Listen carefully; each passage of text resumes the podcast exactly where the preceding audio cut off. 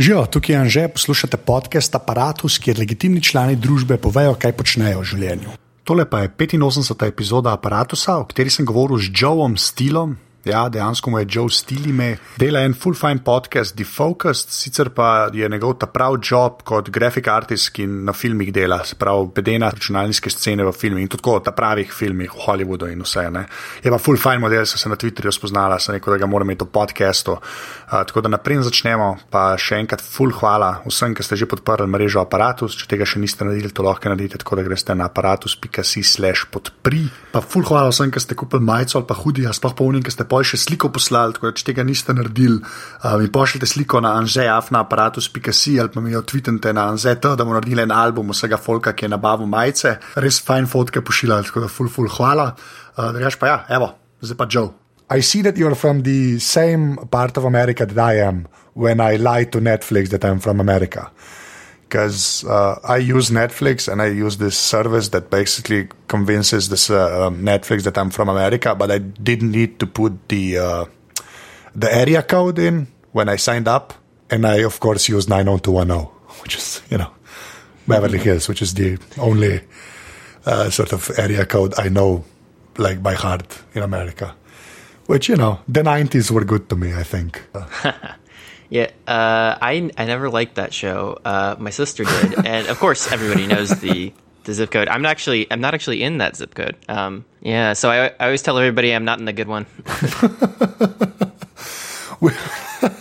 what, what does that mean? like exactly?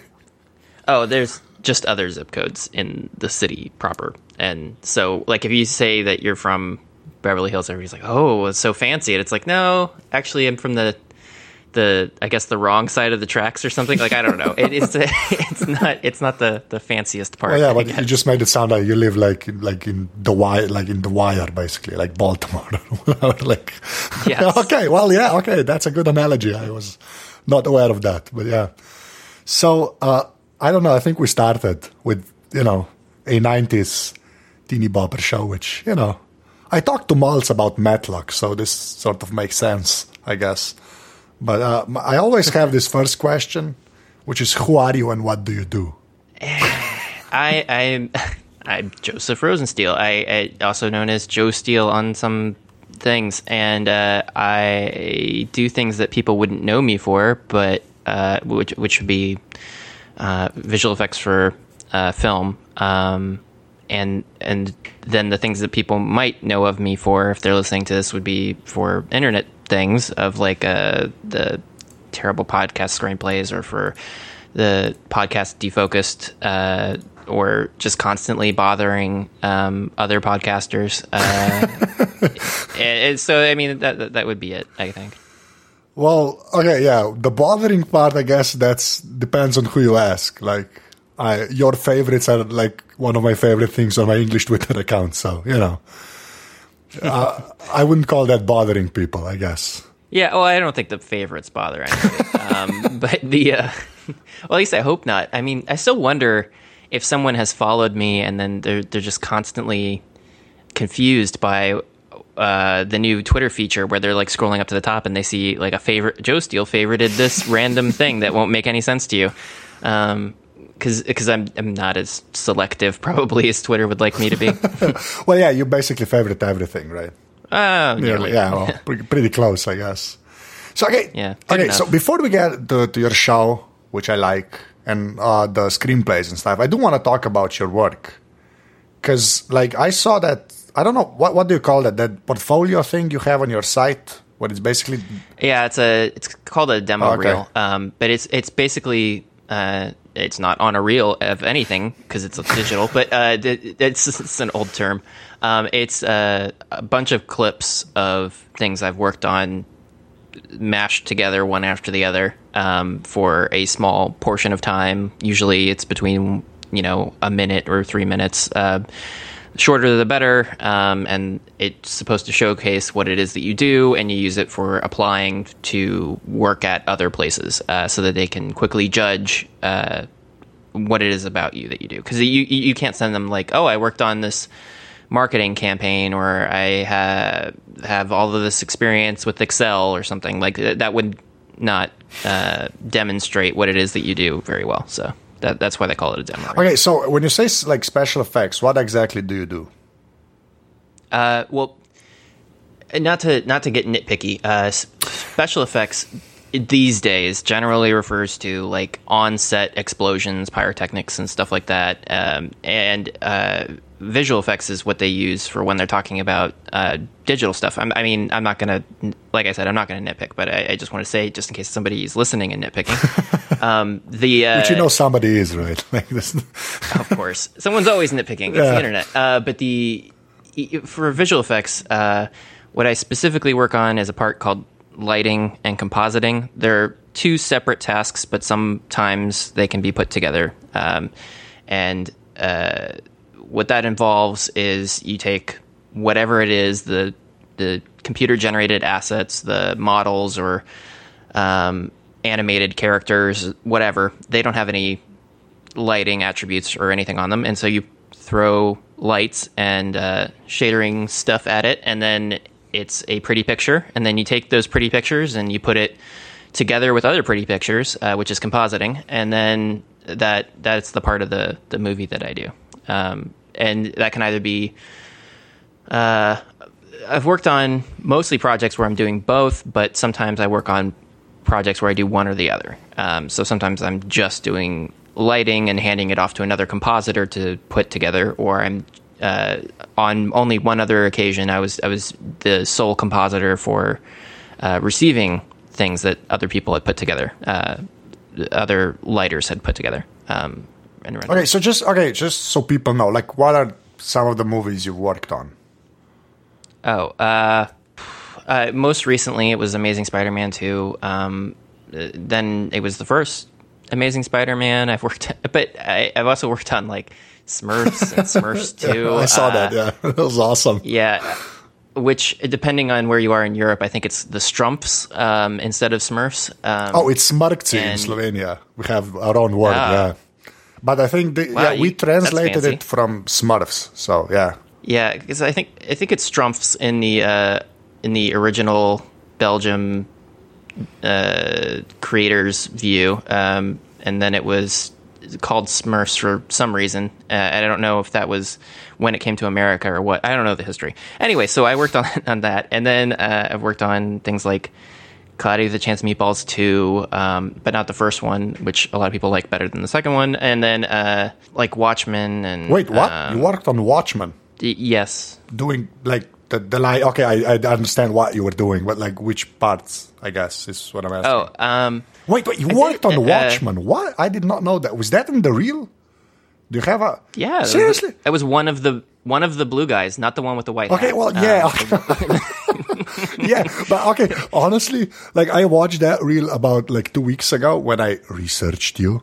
Um, but like, okay, I did. I, I remember the Smurfs. Honestly, that's the, the, the, thing that stood out. I seriously, I must have blocked out the Watchmen. Jesus, that's so cool. Okay, sorry. Yeah, just explain what you did on The Watchmen. It's awesome. Oh, um, well, I can't get into any technical details about any of this because of uh, NDA stuff, but I can tell you the things that I worked on, which you can see in the reel, which are um, uh, there's this scene where uh, Doctor Manhattan blows up the mobsters in a in a montage of when he was a crime fighter, um, and yeah. I did the lighting for that, and uh, another uh, guy I was working with did the compositing, and then I did another one where he, uh, well, this is kind of a spoiler. Let's just say somebody else might blow up at some other time in the movie, um, and I did the lighting and compositing for that shot, uh, and then there were uh, shots in the aftermath of destruction when Doctor Manhattan is standing around uh, chit chatting, um, and I did those, uh, and uh, some of some of the other things in there. Uh, he mainly he mainly stands around and talks a lot. Um, not not a lot. That's true. Yeah.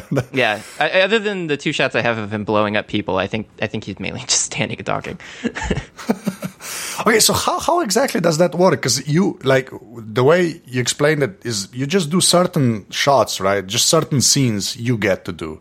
So how many people actually are involved with just the lighting and compositing of an entire movie, like say a Watchmen type movie, where there is actual camera where it's not all CGI, right? So, but there's like more of you, like what's the number? That's actually what I'm asking. Uh, I couldn't give you a specific number. Um, I would say hundreds, um, and uh, but probably slightly over a hundred for specifically lighting. I guess um, on something like that. I, I just. I, it, it's uh, I don't remember exactly what the numbers were to begin with, but I, I don't even think I'm supposed to say what they would have been. Uh, but the on a movie like that, you have tons of people working on it, and everybody gets a bit of the pipeline, um, which is like part of making the CG stuff for it. And because it's a live action film uh, with computer generated elements in it, uh, then of course most of the movie isn't computer generated, and that's all shot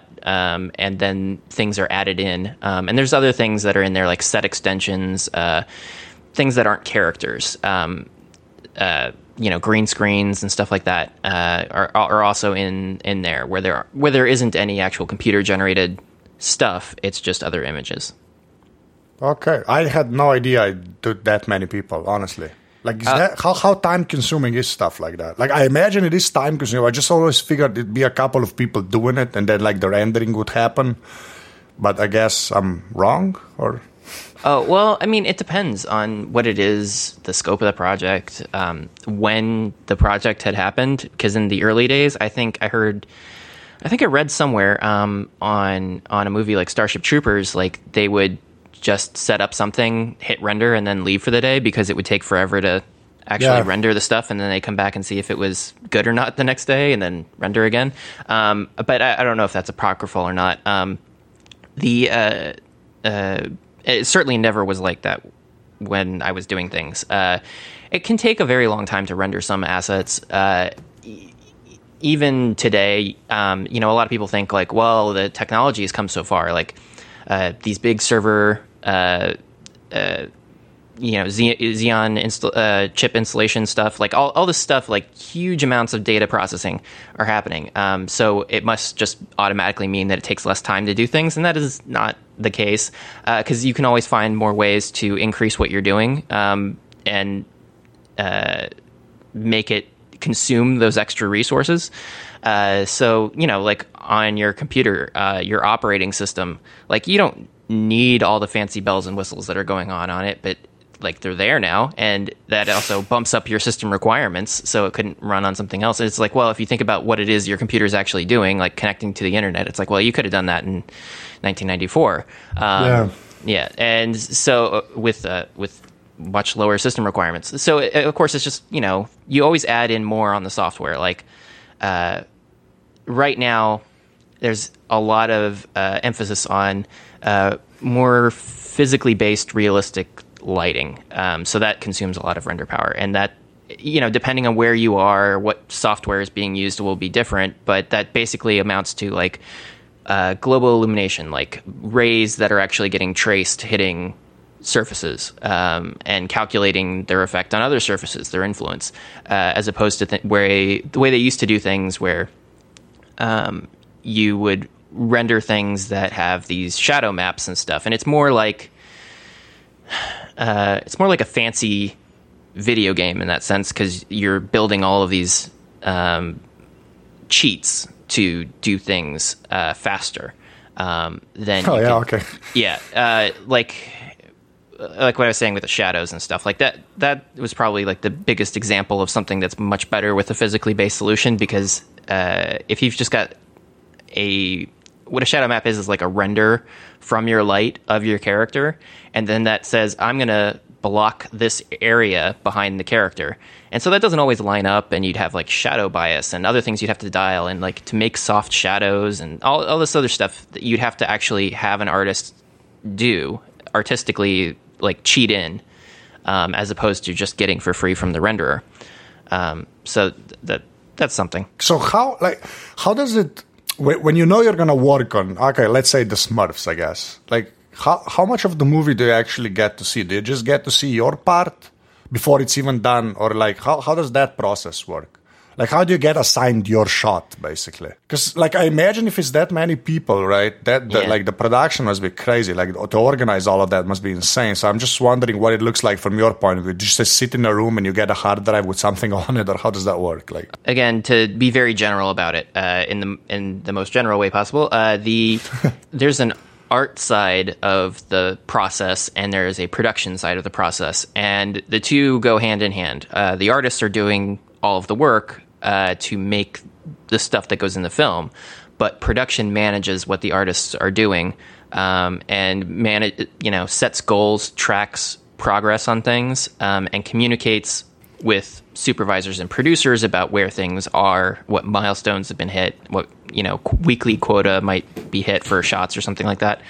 Um, all that stuff is handled by the production side, and it sort of is uh, kind of like a, a there's basically like two trees if you think about it. At the bottom, you have your artist, uh, and above him, um, you have your your first supervisor, and then that supervisor works with a coordinator, and that coordinator manages what the artists are doing on the team and keeps track of things, and they report to that supervisor's the parallel person in the production side, um, and so these two parallel chains of command are operating, um, where the production side is monitoring what the, the artists are doing, and they can also be used.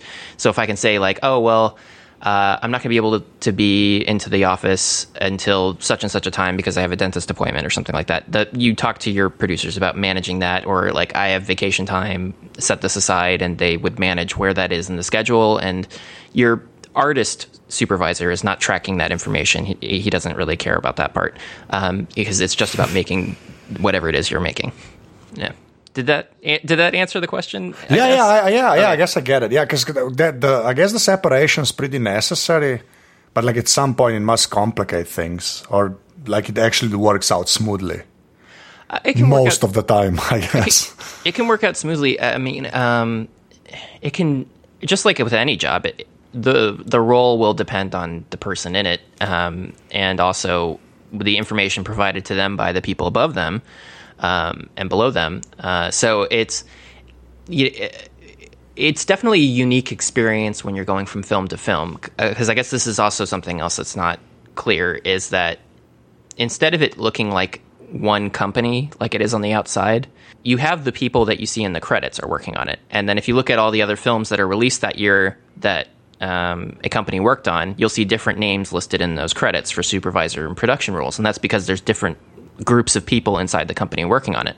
So like every And- movie is like a tiny company within the like Yeah, sort of. It, it's Yeah. it's a that's a rough analogy for it. Basically, is like, Okay. and, and it sort of runs for the length of the project and it ends. And then those that production team and supervisors they can go on and do like the sequel, or they might go on and do another project together, or they might split apart, and some people will go work with these other people that ended a different project, and then some of those other people will go and work on something else. So like the supervisors might work with a different production team, and the producers might go work with a different supervisor, um, and it might vary depending on what the needs are in the in the production schedule for the whole facility of like how many movies are coming through that year. yeah. So you worked for Sony, right? For Sony Pictures, if that's or Yeah, um, it's a division. Uh, it, it's it's confusing to explain, but it's not I, like I don't I don't directly report to the same Sony that you get a PlayStation from.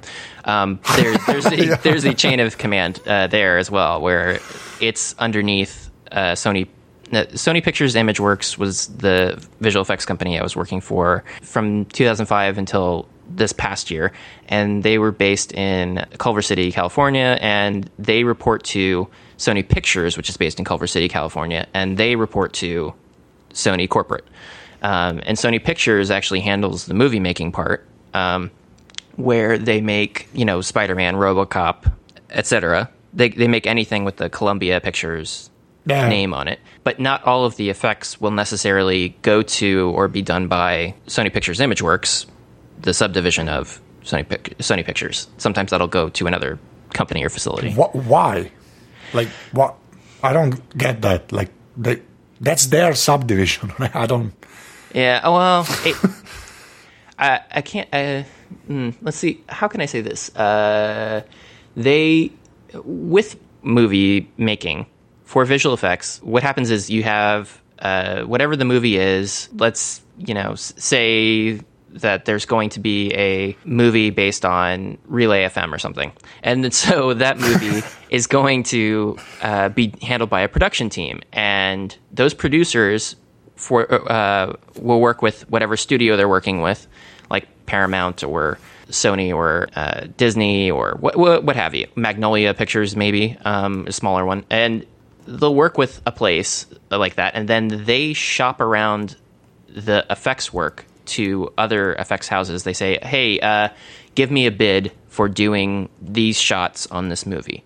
Um, and it'll be like, Jesus, that's like yeah, okay. That's okay. Sorry, go on. That's just, that that makes no sense. But go on. yeah, um, it's not a perfect system because there's a lot of ways in which uh, it kind of breaks. Because you're basically saying, we have X number of shots. Tell us how much it's going to cost. And then when it goes to to, the these. lowest bidder, basically, like Well, they they will consider whether or not they think that a facility can actually accomplish it um, to a degree. oh well, yeah, that's well, yeah, okay. Yeah, I mean, but it's you know sometimes a facility might be ruled out because oh well they didn't work well for us on a previous project or something like that. Like they weren't able, and that mostly has to do with whether or not they met the bids. They met the bid that they had put in. Sometimes with artistic stuff, but mostly with bidding. Most of this is about money. Um, That's such an American thing. Like you have your like that's such an seriously that that's just so American. Like even the stuff you're supposed to do yourself, like you're just gonna contract it out to the like and then have like six companies fight for the business. That's just okay. Yeah, I don't know. I shouldn't be surprised by it. I sort of am, but yeah. it's expensive to have a visual effects company for like which is why al- almost none of the studios have their own visual effects company. Some have started them and closed them over the years. Um, and it, like usually they'll start it they'll do a few things and then they'll say oh this costs a lot of money let's just close it. Because uh, they, they are expensive to run especially if you need to start one from the ground up. Because you need to hire on talent and uh, you need to hire on production talent. So people produ- producers that can actually manage people and produce things um, and supervisors that can actually supervise the creation of the art that you want that will make your director happy. And that's why it's hard to have an in-house one. And also a director might not want to work with an in-house one because they might they might see that as sort of a, a requirement on them that's limiting their artistic potential i don't know um, Oh, okay, but, yeah, I- oh, but yeah. if it is ninety nine percent money stuff. Uh, that that's that's why it happens. Is is like because that way they can make someone else take on the cost of running that facility. Especially since when you think about it, the post production on a movie is going to go maybe six months to a year, uh, maybe year and a half, but that's very unusual these days. Usually production schedules are getting much shorter. So you got uh, a production schedule of like six months to a year on something. Well, what are you going to do with all those people you just hired um, for the rest of the year? And you can't just, it is not convenient to always build up a visual effects studio from nothing like every time you want to do a movie. Uh, so that's why they're the visual effects companies that are separate from the studios in most cases, and bidding goes to them, and they try to fill up their calendar with these bids. Um, so ILM will put in bids on doing stuff, even though ILM is now owned by Disney. Yeah, Um, because it's sold like the Lucas basically sold everything, right? ILM included. Yeah, he's, he sold Lucasfilm, which was the parent company of ILM. ILM, and, yeah. and uh, even though ILM is owned by Disney now, the Marvel movies have had a lot of work done by a motion picture company uh, called MPC uh, as their visual effects studio, and Like, by uh, yeah, it, it, so it, like you see, it's mostly it's mostly like bidding stuff. Um, That's insane. And it's ILM. It's not like like some guys in a garage, right? they basically build half the tools you guys use. Like that makes no sense to me. Yeah, well, Like I, I, I haven't paid attention, right? I've seen most of the Marvel films, but like I just, I'd imagine it was ILM. Like I wouldn't even think there'd be another company doing that. like, Yeah, that well- wouldn't even enter my mind. Like, see, no, seriously, that's, that's fascinating to me to talk to somebody that's like in that, you know, soup over there that makes movies called Hollywood, I guess. But that's just weird, man. Okay, sorry. Oh no, it's okay. I mean, I'm not a. Oh, just to be clear, uh, I don't know if you were just saying soup because I'm a soup because I'm not a soup at all. No, no, no. I, just to that's clear that no. That's that's uh the uh, that, was a, that's an unfortunate translation on my part. Okay. We have this saying, an actual soup that you eat, which is made out of ah whatever. Like, it's, it's going to be tortured if I try to oh. explain that. Okay, yeah. yeah, we we usually use soup to mean uh, the, the shortened version of supervisor. Um, yeah, yeah, I know. Yeah, yeah. It, it, occurred to me the minute I said it, but yeah, it's yeah. a weird. Yeah, it's like, so I just just wanted to clear that up. I don't, I don't, I don't run anything. honestly, that has to be in the title somehow. Like I have to use soup in the title.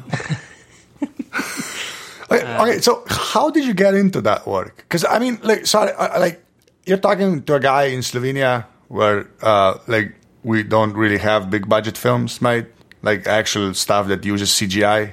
Like, there might be some CGI. I'm not that aware of it. And you worked on Watchmen. That just blew my mind. Like, that's cool. You do know that, right? Or have you just been jaded by the system and do not care anymore? No, I, I honestly, Watchmen is my favorite thing I've ever worked on. Um, but it kind of disheartens me that it was so many years ago. Um, but uh, but but it but it, it, it's it's definitely um, uh, holds a special place uh, for me because I was able to do uh, a lot on that, and uh, I really thought I grew as an artist on it, and it was a lot of fun. Um, it was uh, a lot of effort and it was very challenging, but it really, I think, paid off in the end. not a lot of people have seen or liked it, so it's not always a crowd pleaser when they ask what my favorite thing is, and I'm like, oh, it's Watchmen, because most of the people would be more familiar with the Smurfs. Uh, yes, that's always a crowd pleaser, which is kind of uh, it's actually kind of funny with Smurfs, Watchmen, and Amazing Spider-Man 2. I've worked on a lot of blue people. Yeah, I was go- I was going I was not going to mention that because okay, I imagine. Yeah, okay, sorry, go on. like no, it, it's just it's always it's always amusing to me um, because. It, it's just a lot of blue people. Uh, but with stuff that gets made in other countries, uh, it definitely is a situation where they have much lower budgets because most of the time Hollywood makes things with these huge budgets and then they try to sell them around the world. Um, and so that takes up space in most of the movie theaters. Um, and then everybody will go see the American movie that's the summer blockbuster, which doesn't really promote growth of a country's own internal film blockbuster market, I guess, if you think about it that way. Oh, yeah, okay, I see what you mean. Yeah, uh, like it's a small market for Slovenia to begin with, but then it's also coupled by the fact that most of the spots in the movie theater, most of the times that they would be playing something, it's going to be taken up by something from America, anyways. Um, is uh, you know, if that wasn't there, then maybe there would be more of a desire to make stuff internally in the country, but uh, still, probably, I, I don't imagine they'd be able to hit the astronomical budgets of. Oh no, that that, that would never happen. Yeah, yeah, yeah, It's all like European productions basically, and we have some like decent movies. Like the last couple of years have actually been great. Uh, actually, like uh, uh, one of the directors is like he guest uh, guest hosts, I guess. Uh, some of the podcasts I do in Slovenia, and like he, he's done a bunch of movies that are actually like really good. but yeah, the, the budgets are like nowhere near. They all they shoot them all in like a month, maybe two months. That's that's pretty much it, you know. well, that's not actually that unusual for shooting things. Um, well, yeah, uh, and then yeah. yeah. post basically takes probably the same amount of time, but over here, um, it's maybe like seven people work on it, and like from what you've said, it's many more. Yeah. So okay, so okay, can I just ask you something? Uh, like the the whole blockbuster thing and stuff, and since you like work on uh, those kinds of movies, like how do you see that as a uh, you know compared to the indie movies? And I'm not talking about the, the way indie movies are talked about now in America, where it just became this thing that's not really like an independent movies anymore. They're just like usually it just means low budget and a lot of crying and staring into the camera. But I mean, like, you know, like, like those, I mean, are called for your consideration Oscar movies. Yes, um, yes, yeah. But that's basically what indie movies now these days, right? You, mm-hmm. you do like like uh, blockbuster, and the next movie you do, you just stare into the camera a lot. But like, I mean, like, how much of that, you know, sort of clerks, you know, the original clerks, production style movies are still present in America? Because I don't know. I mean, like, I, I thought the internet would sort of show me more of those, but like, I, I haven't seen that, and maybe that's partly my fault because I haven't been looking. But like, do you guys still have stuff like that happening over there, or it's basically just indie stuff and the Hollywood stuff? Well, in the specific example of Clerks, it was a movie that was self financed and produced and made by Kevin Smith, and then it was picked up Um, yeah, by, and by distributed. Miramax. Yeah, right. And so the distrib- the distribution part's the tricky part because it's one thing to say like on the internet like oh well anybody can make anything and that's that's true like if I had the capital funding for a movie, I could go make a movie and then I could put it on the internet. But the the problem with just putting things on the internet is you have to take into account um, getting people to see it. Just having it there doesn't mean anybody's going to look at it. Um, just like with a podcast or something like that. Like having a podcast on the internet does not mean someone is going to download the podcast on the internet. And so, like, there are independent productions that occur, but you don't usually hear about them. You you know, sometimes you'll flip through new releases on iTunes and you'll be like, I've never heard of this one. I've never heard of this one. I've never heard of this one. I've never heard of this one. That one I've heard of, uh, and haven't seen. And you'll just be like going down the list and be like, I, I don't know why I haven't heard of any of these things. And it's because, oh, yeah, they aren't advertised at all. And as much as we like to think of advertising as like the enemy of all that is good, which I like, don't, by the way, but yeah. But I mean, it's a common trope on the internet like, oh, ads are the worst. Um, yeah. And it, it's like, well, you don't understand that bad advertising is the worst, but good advertising actually accomplishes quite a bit. Because if you don't see a movie is coming out, then you're not going to go see the movie. Um, if you don't see a movie is available online, then you're not going to go see the movie online. And a lot of people would say, oh, well, you know, word of mouth will guarantee that I see it. And it's like, well, word of mouth is really good and it'll guarantee that you see lots of things. But those people still had to have seen it in order for you to see it. So if you increase the number of people that see the thing, then the word of mouth will also increase. It's not as clear cut as some people would like to believe. Like, you can't just make the thing, put it on the internet, and then because it's good, people will come to it. Yeah, I think that like there's a like every video on YouTube that has 12 views is a testament to that, basically.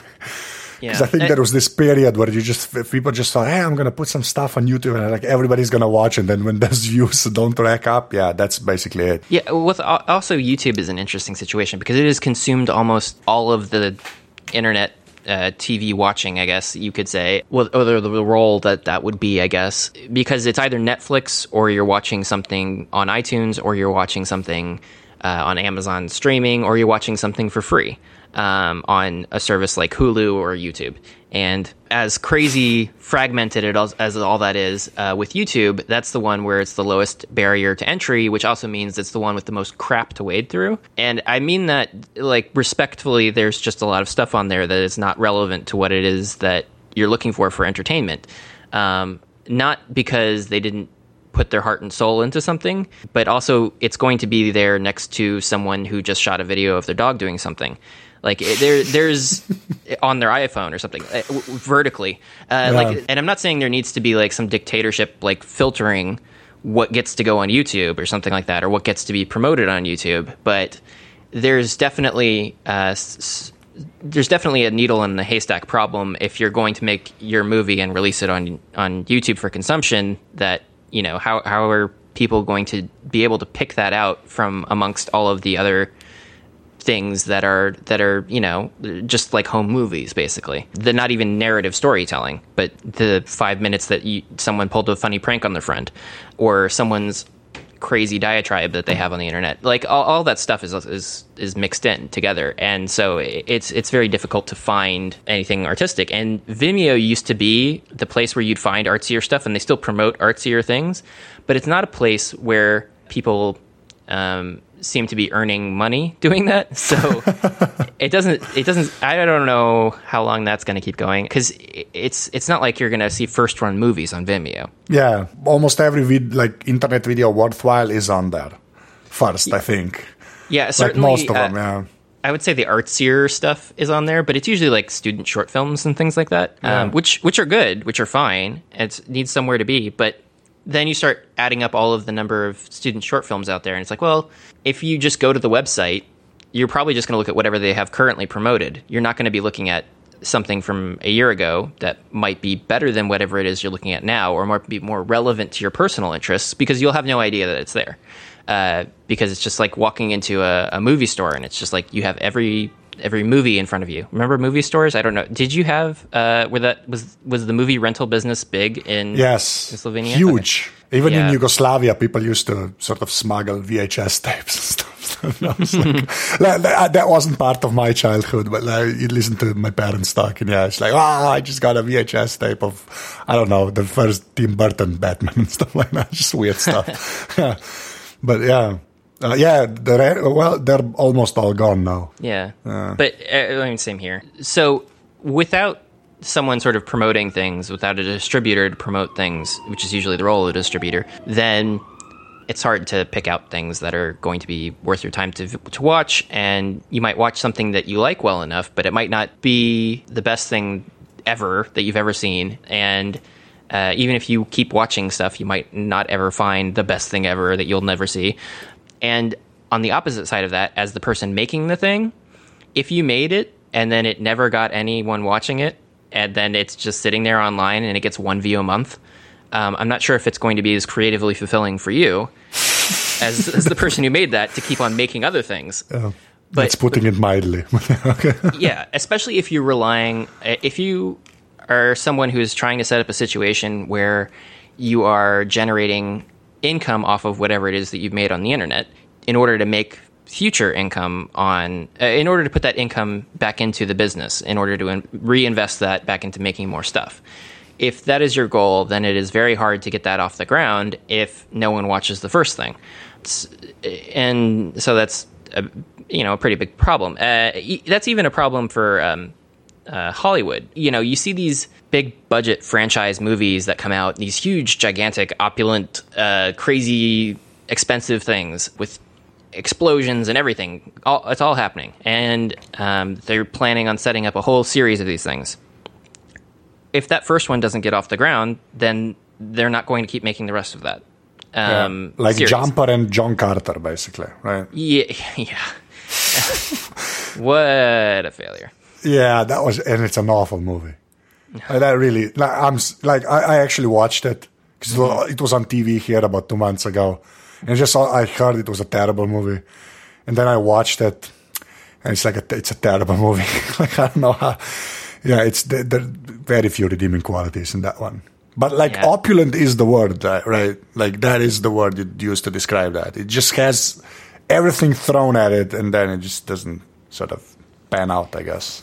Yeah, and uh, even with all of that distribution and everything, if people still don't go watch it after spending all that money, then they're not going to put more money into the next one. Um, it's just common business sense. I mean, even on a smaller scale, if you put any money into distributing your thing and you make your thing and uh, you want to make a series of it, if you're going to make a new web series or you're going to make a new podcast series, if you can't generate that sustainable income off of it, then you're not going to keep making the thing. Um, and it, it, that's it's pretty simple to understand.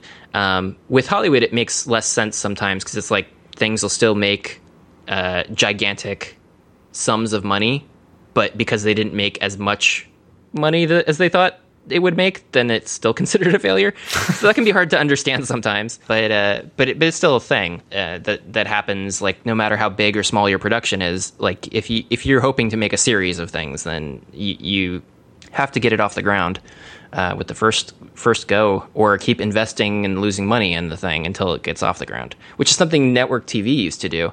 You know, I, I know you were watching uh, old episodes of Star Trek, but I don't know Yep. if you've watched old episodes of Star Trek: The Next Generation.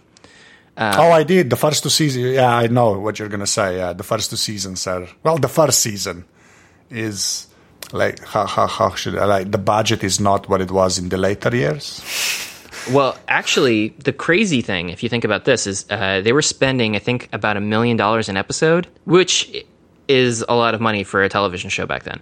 And it, they just weren't able to do as much with the money because, you know, model work is more expensive than CG work that you would see later on. Um, but the uh, but it mainly has to do with like the writing stuff. It just wasn't very good, but it kept it was on the air because it would still get viewers because there was such a limited number of things you could watch on TV uh, which Yeah, is hard. now which- that wouldn't work, right? yeah, But, like you could not make that Star Trek series and get those numbers uh, today at all. um, and you could not make your own, you know, internet video, whatever it is that you're making, and keep it going for three years until it got good at the very end, and they renewed you with with the big cliffhanger ending. Uh, so yeah, I think the only loophole there is if it's critically acclaimed. Like when you see something like The Wire that never really got a, a big enough audience to justify it, I guess uh, it got kept alive just by the sheer, you know, critical acclaim. Because well, HBO needs like a series that's sort of, you know, has the best writing, even if like seven people watch it. But HBO also had they're in a different, a slightly different situation from well, not slightly, very different situation from network television in that they don't have to worry about advertising. Um, well, yeah, that is true, but you know, it still has to like it still has to be worth it for them somehow. That's what I mean. Like, I do understand that network TV is more brutal just be- because of the advertising. And like, if you look at something like Fox, right, the Fox channel, they just mm-hmm. cancel mm-hmm. everything. if it doesn't like, I, th- I think those guys just have like an, an Excel spreadsheet and just some numbers. And if the show doesn't meet that number, it's gone. But like they did cancel some of the coolest stuff ever made just because, you know, if they just gotten like 20,000 more people with the Nielsen box to watch, maybe it would have survived, I guess. Yeah, well, television metrics are imperfect, um, to say the least. yeah, okay. Yeah, and, and it's it's really messed up uh, for the kind of content that, let's say, like you or I or uh, other, I guess you could say like uh, people who are interested in a more uh, in dense, dramatic storytelling. Like uh, I, was, I was going to say nerds, but that doesn't sound quite right. Uh, but we tend to be nerds in that we are also the people who will have, uh, you know, personal video recording devices and we'll be streaming things instead of watching it when it comes on TV the first time, uh, which is an important uh, metric for how things get spent, uh, how much money something gets, or we'll be buying the DVDs after the season is over, or we'll be renting the DVDs, uh, which used to be the thing. Like everyone would rent Lost on on DVD uh, or buy it after the series was done, and mm-hmm. then watch it all in one go. Um, and uh, even today, you know, people are uh, going to consume things in a way that um, is sort of like a, a big burst of energy on uh, Netflix, like just consuming all of Orange is the New Black season or all of House of Cards or whatever it is. And that doesn't necessarily translate to like year round profit or like other stuff because they can just watch it all in that, that month. Um, so it's going to be interesting to see how Netflix can handle handle that. But it's it's a situation where that sort of sabotages a lot of storytelling, like on Fox, um, where people would be turned off by episodes being shown out of order or episodes being preempted by a baseball game um, and not actually being able to see it. it. And that happened to a lot of shows, like Futurama was on Fox for a lot uh, for canceled uh, and brought back and canceled, uh, and and you have stuff with like Family Guy, which I don't really like, but it was brought back and canceled, brought back and canceled. Yeah, uh, I guess with animation that's a lot easier. Yeah, I do know. I don't know that. Yeah. Yeah, and uh, with Firefly, which I'm sure is more what you're referencing here. But yeah, they showed yeah. the whole. I think they showed like the first four episodes out of order, and they like injected an episode at the beginning that wasn't really supposed to be there because the network didn't like the first pilot, and it, it all that sabotaged people watching it. And you're just like hardcore fans who put everything back into the right order and downloaded stuff. And nobody generates money off of that work that the fans are doing. Yeah. And you're only going to get like the most ardent supporters who who want that but they're not going to that's not going to keep translating into studio money yeah and if that uh, doesn't so happen it's pointless for them yeah then they won't keep investing in it. So, like Star Trek Enterprise was getting better in its fourth season, um, which I never saw because I gave up with the end of season three because just that wasn't Star Trek at that point. But yeah, I, have heard that season four was way better. Yeah, it's they.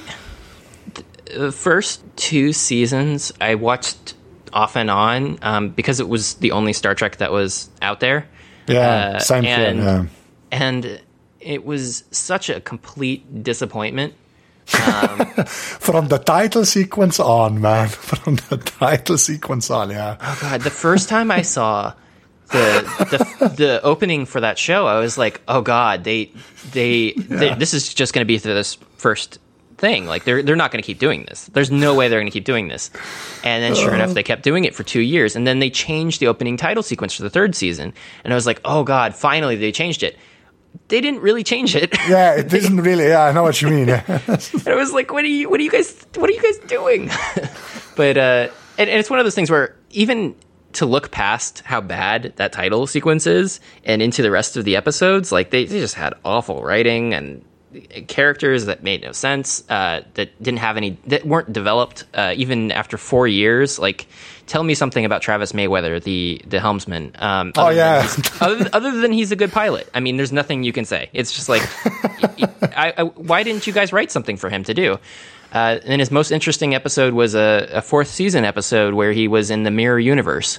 Um, and they completely changed his character, which is like, well, of course, that'd be total, that'd be way more interesting. They brought back the mirror universe. Oh, seriously, I did not know that. Um, like from the of, original series, like the Spock and Evil Spock thing. Yeah, and and in a few episodes of Deep Space Nine, they they go to the mirror universe too. Um, but I have to say that the and it's a two parter in the fourth season of Enterprise.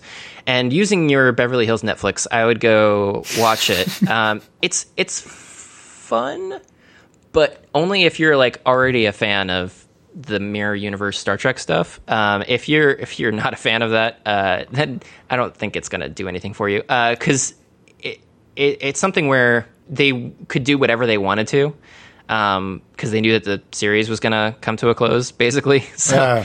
the Mirror Universe has a lot of stuff in it uh, that they wouldn't have done in the regular timeline of events that unfold, uh, and so okay. it's it's more interesting. How does every podcast I do turn into a Star Trek thing? That's awesome.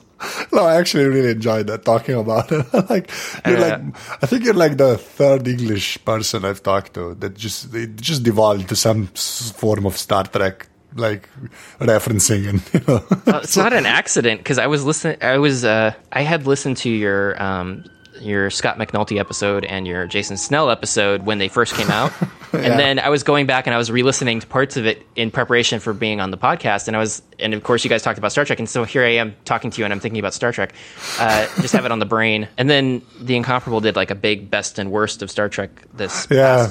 weekend, and uh, so I I w- was listening to that. It's it's just like having your brain immersed in Star Trek stuff is damaging, and don't do that, kids. Uh, it is also one of the things that got me into wanting to do visual effects because I loved the model work that they did on the show back in the Next Generation days when I was a kid. Uh, and there was an episode of this program called Reading Rainbow, which I don't. Oh, Geordi La Forge thing. Yeah, yeah. yeah. Okay. He, he, I don't think they distributed that in Slovenia, but they did uh, not. Yeah, it was. Uh, uh, it was an educational program for kids, um, and it would be about reading books. And he was the host for it. And then they had an episode where he took people behind the scenes on how they made some of the effects for the show. Oh, awesome! And so that was really interesting. Um, and uh, like the Enterprise model is actually f- filmed upside down because the saucer is so heavy they couldn't film it right side up um, with the motion control cameras. And they show you how they do all the different passes for lighting, and then they shoot it over a, a blue screen, um, and then the warp nacelles actually get colored blue separately in a different process. And, and so it's like all this technical detail and how the transporter effect is really just swirling water with with glitter in it, and it's, it's, it's, interesting. It just it takes a little bit out of the magic when you when you say glitter and then like the transport yeah. effect. I think that's it's sort of yeah, but I, I see what you mean. Say it's one of those things where back then, like you took whatever you had on hand, and so like when you look especially at the models and stuff, you can you can see like parts of drugstore razor blades and and stuff that are repainted and glued on because they just used whatever they had on hand in order to make these things. It wasn't like a a digital process where you could make whatever you wanted. You had to actually build build the, the thing, thing, in yeah. real life. Yeah. So how did you get into your line of work? Like, did you go to school for it, or how does that work? Oh, uh, I went to I went to an art school in uh, in Sarasota, Florida, which is just south of uh, where I grew up, um, and it was a smallish school, and it was known for its computer animation program. And I took computer animation because initially I wanted to, after liking Star Trek and all of the effects and stuff like that, I wanted to actually do uh, Pixar stuff because Pixar was really big at the time, um, and uh, I wanted to like actually animate a character.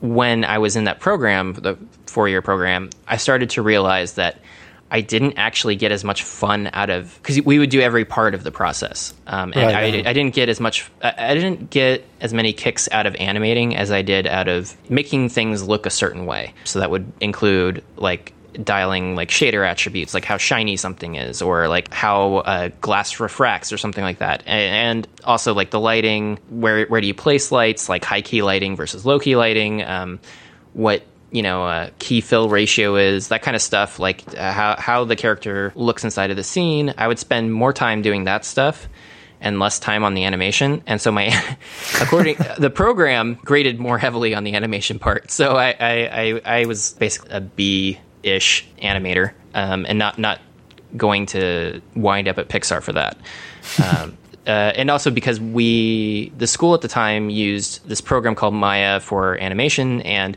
we would use its internal rendering software, which was from the late 90s because they just had it as part of the software and never updated it. And that was an extremely limited piece of software for doing things that looked good. And so it was very difficult to make things look good. Um, and no one uses that, even at the time I was in school, no one used that for actually making things Oh, okay. Uh, for film or for television or for anything because it was so old and antiquated and didn't look good. And everyone was using RenderMan, which is the Pixar uh, render solution. The school got that after I left, so I. I just waited, that would have helped. But uh, nobody was going to hire me for lighting without having RenderMan experience until Sony needed me at the very last minute to come start on a movie there in a position called an associate technical director, where I basically just like put stuff together um, mm-hmm.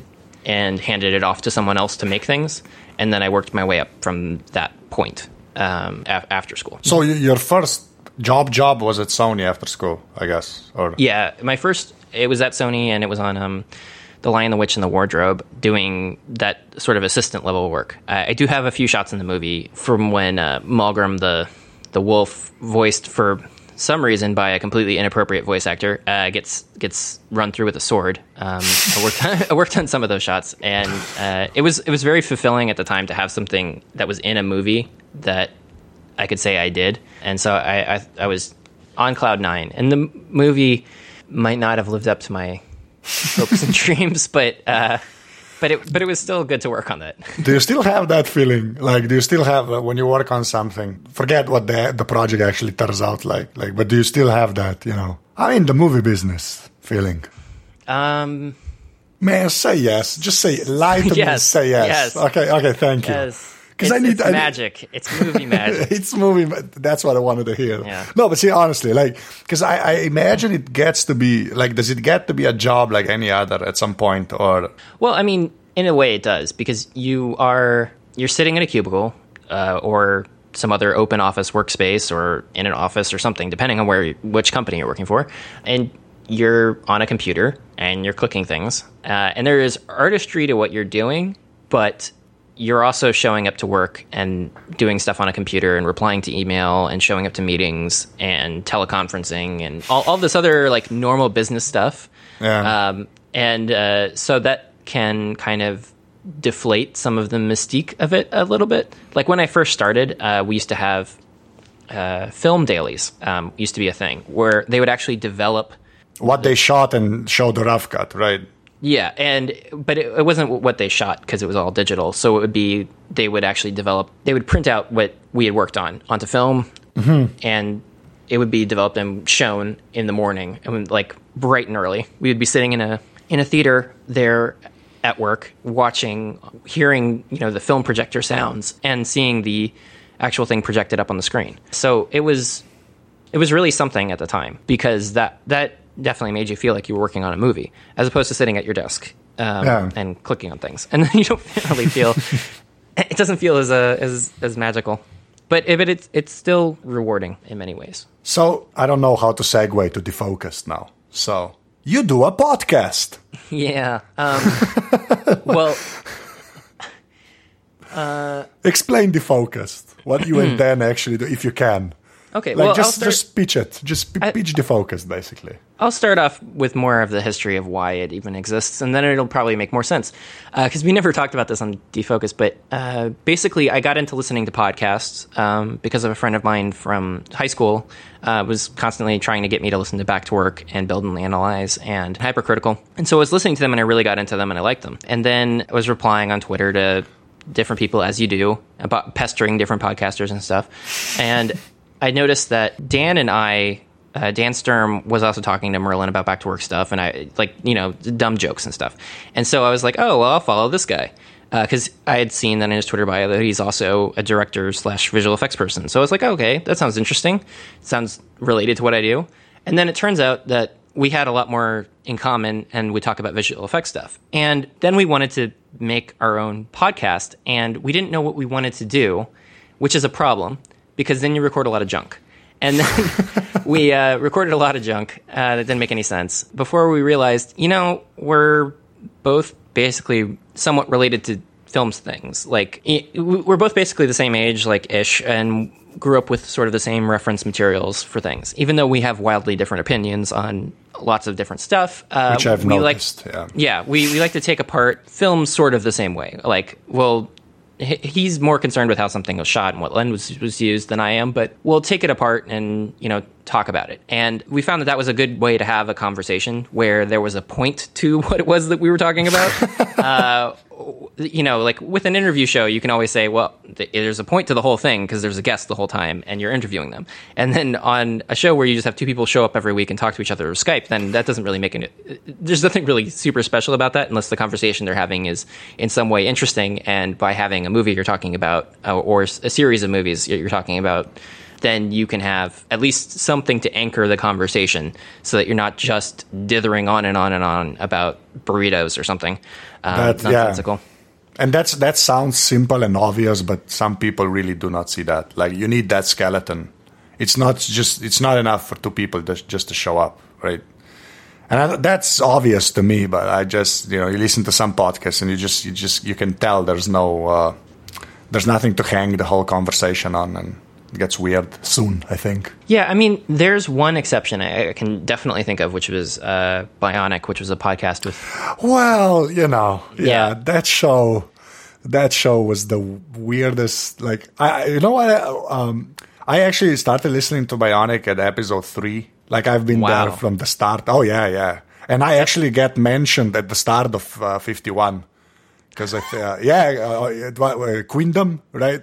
Yeah, United yeah. Kingdom. Oh, I forgot. Yeah. I forgot they mentioned you in. I yeah, know said, I know they said your name, but I didn't know it was in fifty one. Yeah, it was in fifty one because yeah. uh, I had Matt on at that time, I think, and then Myke makes fun of my name as you know pretty much everybody does, which we'll get to at the end. Apparently, you still haven't said my name. So, uh, uh, well, that's because I said it wrong really badly on Defocused. After hearing your name, hearing you say your name and correct every guest that you've had on your show on how to say your name, I still said it wrong. Um, yeah, and it's not it's not for lack of paying attention. It's just I'm, I'm clearly an idiot. so yeah, okay, but a Bionic before Queendom, which had a like a structure and stuff, and then there was whatever the hell that was after Queendom, right?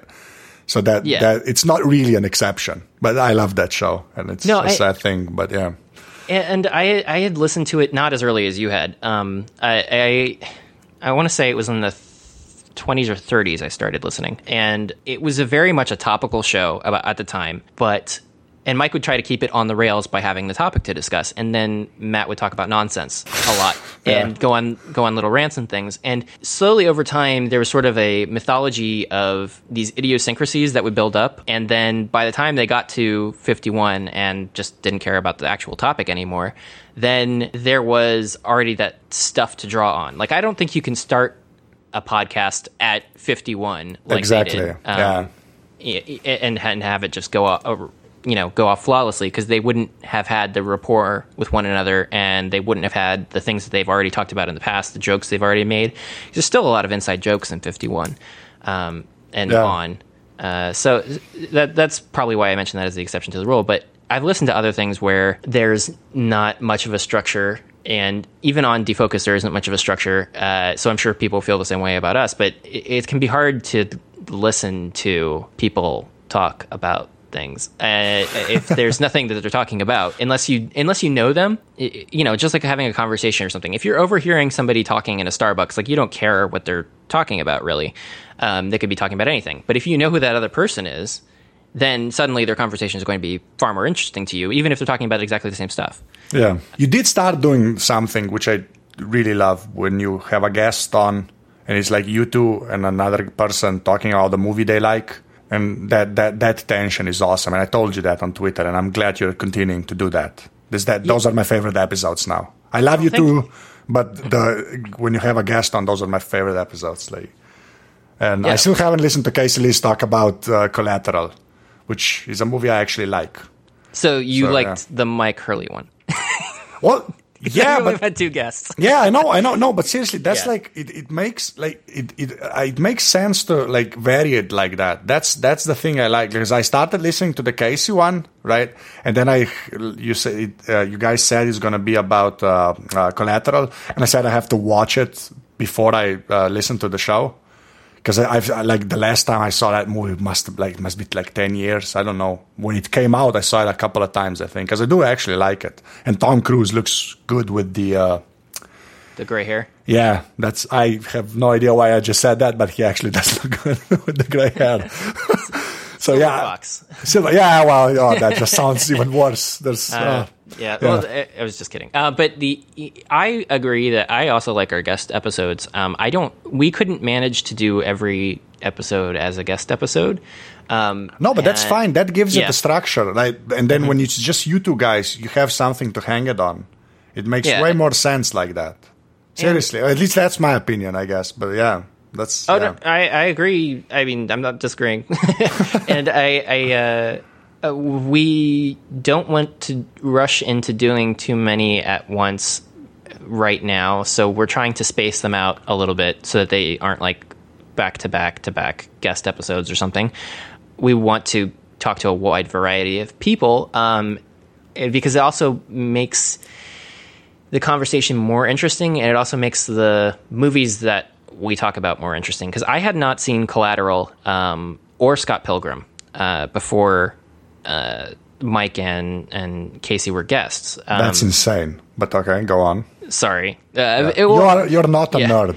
That's all I'm gonna say. no, I, it, I, think there's this mis- mistaken impression from um, the show that I have seen more things than I have. Uh, I, am not I'm not a movie connoisseur, and I, I tell um, I told Myke this and I told Casey this. Like, we're not a film analysis critique podcast where you need to come in with a well-reasoned argument and series of notes and stuff. Like eh, we we don't we don't do that. Um, and uh, uh, but we do try to make it a requirement that whatever whatever it is that we discuss with a guest is something that they like because I don't want to have someone on just to be negative the entire time because I think that would uh, do a disservice to them.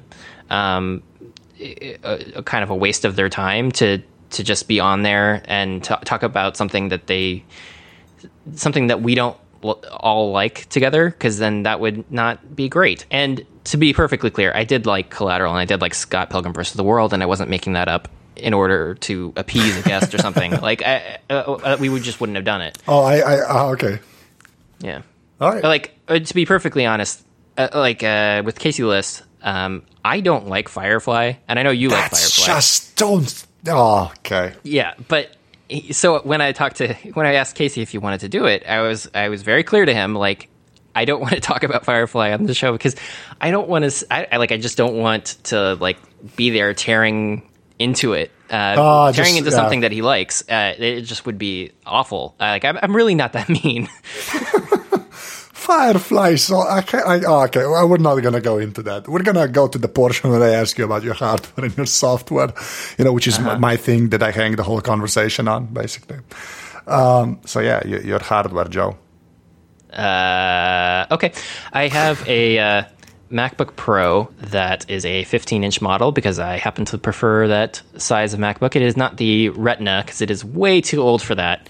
Um, it's a uh, the 2.2 uh, i7 that I think came out in 2011 or 2012. Um, it's not not new by any stretch of the imagination. It does just fine for most things because I'm not actually doing work at home for the most of the time. I am helping a, a former supervisor with a, uh side project right now. But that's really the only time I've ever done anything at home on this machine. Most of the time, you're going to work and they're providing machines for you. And uh, I record with a uh, just a regular old Blue Yeti. Um, no Same fancy. here. Same here. Yeah, but I don't have the fancy boom stand and Oh, everything. okay. Um, and so I have to go through setting up a complicated series of s- situated, angled things in order to try to not pick up as much background noise as I could possibly pick up. Because my apartment is mer- apparently made of like paper mache or something. Because uh, you can hear like every street noise in the world from here. Um, and I, I should uh, be more serious about this if I plan on doing this more and get like a Rode podcaster or No, don't get that mic, man. Just do not get that mic. Yeah, I heard I heard Jason Snell say he didn't like it either, and he prefers the the Shure, uh, whatever it is, over Yeah. the over the Yeti. Uh, oh, I mean, sorry, or over the over the over the Rode Podcaster. Yeah, my Yeah. one of my co-hosts has it, and it's just Jesus. The Yeti is so much better. like, I, I like the Yeti's sound when all of the conditions are perfect. Um, Yeah, that is true, yeah. yeah, it, it's it's. I I just would want something that can be better when the conditions are, are imperfect. yeah, I don't think you're gonna get that with the podcaster, but you know, Yeah. uh, yeah, to each his own and stuff. Uh, so, okay, any phones and tablets, Joe? Oh, uh, my wonderful iPhone 4, uh, which we talked about with Yeah. Myke Hurley when I was when he was a guest, and he he was absolutely baffled why I have it. And I have a uh, iPad 3, um, Oh, okay. and that is the extent of my old technology. Um, that I that I lug around with me and insult the universe with by by by not having the latest. Okay, so I'm gonna ask you about uh, the. I'm not gonna ask you about the iPhone apps because that's ridiculous because you have an iPhone 4. So uh, the the iPad stuff, like the the stuff you mo- uh, like you use most on the iPad software wise. Uh, I actually don't use my iPad very much, and even then, it, it, I can go like a week without picking it up, or two weeks, and sometimes I'll pick it up and the battery's dead, and I'll plug it back in. Um, most of my time is actually spent on my phone, and most of it's Okay. with Tweetbot. Oh, okay, yeah, well, Yeah, and because that's because well, you have to be Almost every- specific. the the favorite button, right? Yeah, yeah. Mo- mostly just pounding that favorite button. Um, but uh, and then also I need to have the official Twitter app on my phone um, and on my iPad because I need a way to see if something was favorited because that's also technically part of a conversation that you're having with somebody. Uh, that might not seem totally obvious, but basically, if you say something to somebody and they favorite it, that's their answer to your to your tweet. like that's not, I, I do uh, perceive it that way. Yes, I do the same thing. Yeah. yeah, and like, or that is the end of a conversation. Like, this is this is the end of the conversation phase. it, is- it is a specific Yeah. way to terminate a conversation. And so, if I don't know that that has happened, then I might just keep rambling on, or I might reply back uh, in a way that hedges whether or not they thought a tweet joke I sent them was funny or offensive. Like, I, you know. I, the having an, an idea of if something was favorited uh, gives you clarity um, that you don't otherwise have. But I absolutely hate the official Twitter app. It yeah, it's it's yeah. I have Android and it's the it's crappy over here too. You know. So okay, my last question, which is always the same. If you had to pick one physical thing that is not your grandmother or a person, that sounded weird, but that's how I say it. Uh, what would that be? You might still have it, you might not have it anymore, but like something that you felt like it was made for you. You know, I knew you were going to ask, and then I did. I guess I don't know why I didn't put more thought into it. Uh, but I think my favorite thing that was made for me uh, would. I'm drawing a total blank. I guess I would have to say um, my MacBook, but that is sort of like not my specific MacBook I have in front of me, but just the ability to have a Mac in front of me uh, is my favorite thing. Like, Okay. I don't know if Basically, that- a portable computer. That's what you're Well, saying. Well, a not, portable not just Mac. any portable computer, but a portable computer with a Mac operating system. on Oh, yeah, I had a oh, yeah. MacBook before this one in 2007. It was my switch back from using Windows, um, Uh-huh. and without it, I would be fiddling around with all kinds of system updates and all kinds of bullshit crap. Uh, I'm sorry, the S crap. Cut out the other thing I said. Uh, and uh, and I I don't want to mess with that stuff, and so it just frees me up. And as cheesy as that sounds, like like Yeah. not having not not having to worry about like a bunch of silly things it makes me happy. And if that were to ever change in a dramatic way, then this would probably be my least favorite thing in my life. Um, but it's what I uh, use for the podcast. It's what I use for writing. It's my creative outlet. Um, so that's why like editing photos, editing video stuff. It's it's fun, Okay, that's a legit answer. and it has Twitter. Well, yeah, yeah, and the favorite button, which you know, Yeah. important. Uh, Joe, Joe, that's pre- pretty much it. Thank you very much for doing this. Oh, thank you, Andre. From what? Well, close enough. Close enough. Close enough. You see, you see, y'all put like a J at the end. It's like Angers, right? But it's Angers. Angers. Yeah, okay, that was that was pretty much yeah. That, that's pretty much it. Yeah, It's yeah. not okay. So it's more of like it's not the the a sound on the end, like the on J. It's the on Angers. No, see, Angers? you say A at the end. You're not. Okay. You're, you're supposed to ca- cut it off at the E, so it's Angers. Angers. Okay. Perfekt. Tole je bila 85. epizoda aparata. Joe najdete na Twitterju pod Afna Joe Steel, jaz sem na Twitterju Afna Anzet. Eh, Če imate šanso, lahko podprete celo mrežo aparatus. Ful hvala vsem, ki ste to že naredili. Če pa, to boste šele naredili, greste pa lahko na aparatus.si slash podpri.